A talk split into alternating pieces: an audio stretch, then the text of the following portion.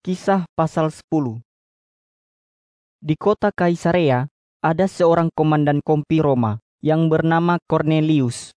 Dia memimpin seratus anggota tentara yang disebut Batalion Italia. Cornelius dan keluarganya sangat hormat dan taat kepada Allah. Dan dia sering memberikan bantuan kepada orang-orang miskin. Dan dia juga selalu berdoa kepada Allah. Pada suatu hari, sekitar jam 3 sore, dia mendapat suatu penglihatan dan melihat dengan jelas bahwa malaikat datang kepadanya dan berkata, Cornelius, Lalu Cornelius memandang malaikat itu dengan rasa takut dan bertanya, Ada apa Tuhan? Lalu malaikat itu menjawab, Allah berkenan atas doa-doamu dan atas semua bantuanmu kepada orang-orang miskin. Dan di mata Allah, kedua hal itu sudah menjadi seperti suatu persembahan. Sekarang kirimlah beberapa orang ke Yope untuk menjemput seorang yang bernama Simon yang juga disebut Petrus. Dia sedang tinggal sebagai tamu di rumah seorang pengolah kulit binatang. Namanya juga Simon dan rumahnya berada di pinggir pantai. Lalu sesudah malaikat itu pergi, Cornelius memanggil dua orang hambanya dan seorang tentara yang bertugas sebagai sekretaris pribadinya. Tentara itu juga penyembah Allah. Dan sesudah dia menjelaskan semua kepada mereka bertiga, dia menyuruh mereka pergi ke Yope. Besok harinya, sekitar jam 12 siang, waktu mereka dalam perjalanan dan mendekati kota Yope, Petrus naik ke teras di bagian atas rumah untuk berdoa. Lalu dia merasa lapar dan ingin makan. Ketika orang sedang menyiapkan makanan, Petrus mendapat suatu penglihatan. Dia melihat langit terbuka, lalu ada sesuatu yang kelihatannya seperti selembar kain linen yang lebar turun dari langit. Kain itu tergantung pada keempat sudutnya. Di dalam kain itu ada banyak sekali jenis binatang yang tidak boleh dimakan oleh orang Yahudi, termasuk binatang berkaki empat, binatang yang merayap di tanah, dan burung-burung liar. Lalu ada suara yang berkata kepadanya, Petrus, berdirilah, potonglah itu, dan makanlah. Tetapi Petrus berkata, Tidak Tuhan, saya tidak pernah makan sesuatu yang haram atau najis. Suara itu berbicara untuk kedua kalinya. Apa yang Allah katakan halal, janganlah kamu anggap haram. Penglihatan itu muncul tiga kali. Kemudian kain itu langsung terangkat kembali ke langit. Waktu Petrus masih memikirkan arti dari penglihatan itu, orang yang disuruh oleh Cornelius itu sudah menemukan rumah Simon dan sedang berdiri di depan pintu pagar halaman rumah itu. Mereka bertanya, Apakah orang yang bernama Simon yang juga disebut Petrus menumpang di sini? Dan waktu Petrus masih memikirkan tentang penglihatan itu, Roh Kudus berkata kepadanya, Dengar Petrus, ada tiga orang sedang mencari kamu. Berdirilah dan turunlah ke bawah.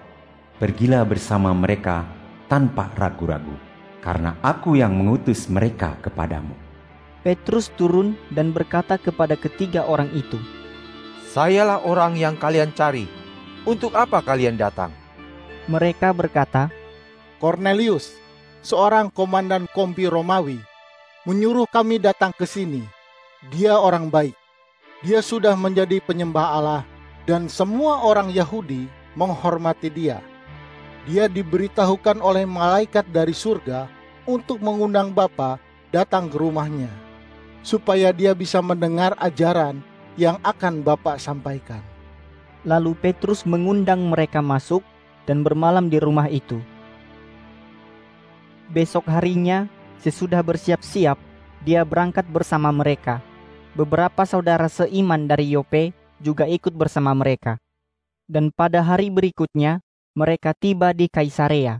Cornelius sudah menunggu mereka dan sudah mengumpulkan seluruh keluarganya dan sahabat-sahabatnya di rumahnya.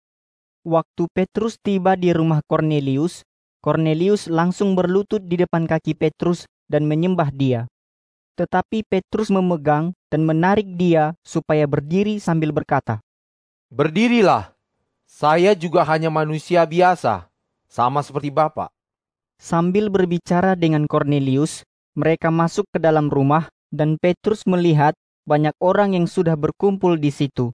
Dan Petrus berkata kepada mereka, Kalian sudah tahu bahwa kami orang Yahudi dilarang bergaul atau mengunjungi orang yang bukan Yahudi seperti kalian. Tetapi Allah sudah menunjukkan kepada saya bahwa saya tidak boleh menganggap siapa pun terlalu najis untuk diterima oleh Allah. Karena itu, waktu saya diundang ke sini, saya tidak keberatan untuk datang. Jadi sekarang, saya mau bertanya, kenapa kalian memanggil saya? Dan Cornelius menjawab, Empat hari yang lalu, saya sedang berdoa di rumah ini. Pada waktu yang sama seperti sekarang, yaitu jam 3 sore, tiba-tiba ada seorang berdiri di depan saya dengan pakaian yang berkilau-kilauan.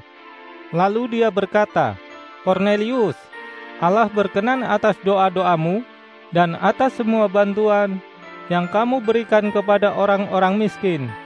Oleh karena itu, suruhlah beberapa orang ke Yope untuk mengundang Simon yang juga disebut Petrus supaya datang ke sini. Dia sedang tinggal di rumah Simon, seorang pengolah kulit binatang. Rumahnya berada di pinggir pantai. Jadi saya segera menyuruh orang pergi memanggil Bapak. Saya berterima kasih karena Bapak sudah datang ke sini.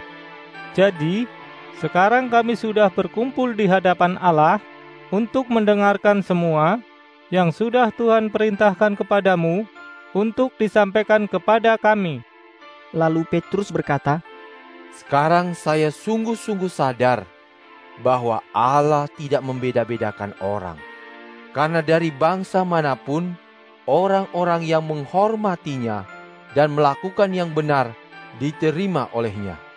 Kalian sudah mendengar bahwa Allah sudah menyampaikan kabar baik kepada bangsa Yahudi, bahwa kami harus berdamai kembali dengan Allah melalui Kristus yang telah dijanjikan itu, yaitu Yesus, yang adalah Tuhan atas semua orang di dunia ini. Dan kalian sudah mengetahui tentang apa yang sudah dilakukan oleh Yesus, orang Nazaret itu, di seluruh Yudea.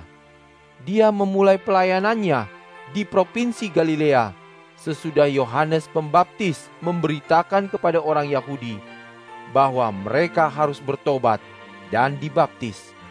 Jadi kalian sudah mengetahui tentang Yesus yang sudah diurapi oleh Allah dengan roh kudus dan dengan kuasanya.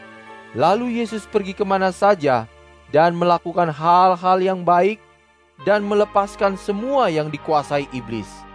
Karena Allah menyertai dia dan kami adalah saksi mata atas semua yang sudah Yesus lakukan di provinsi Yudea dan di Yerusalem.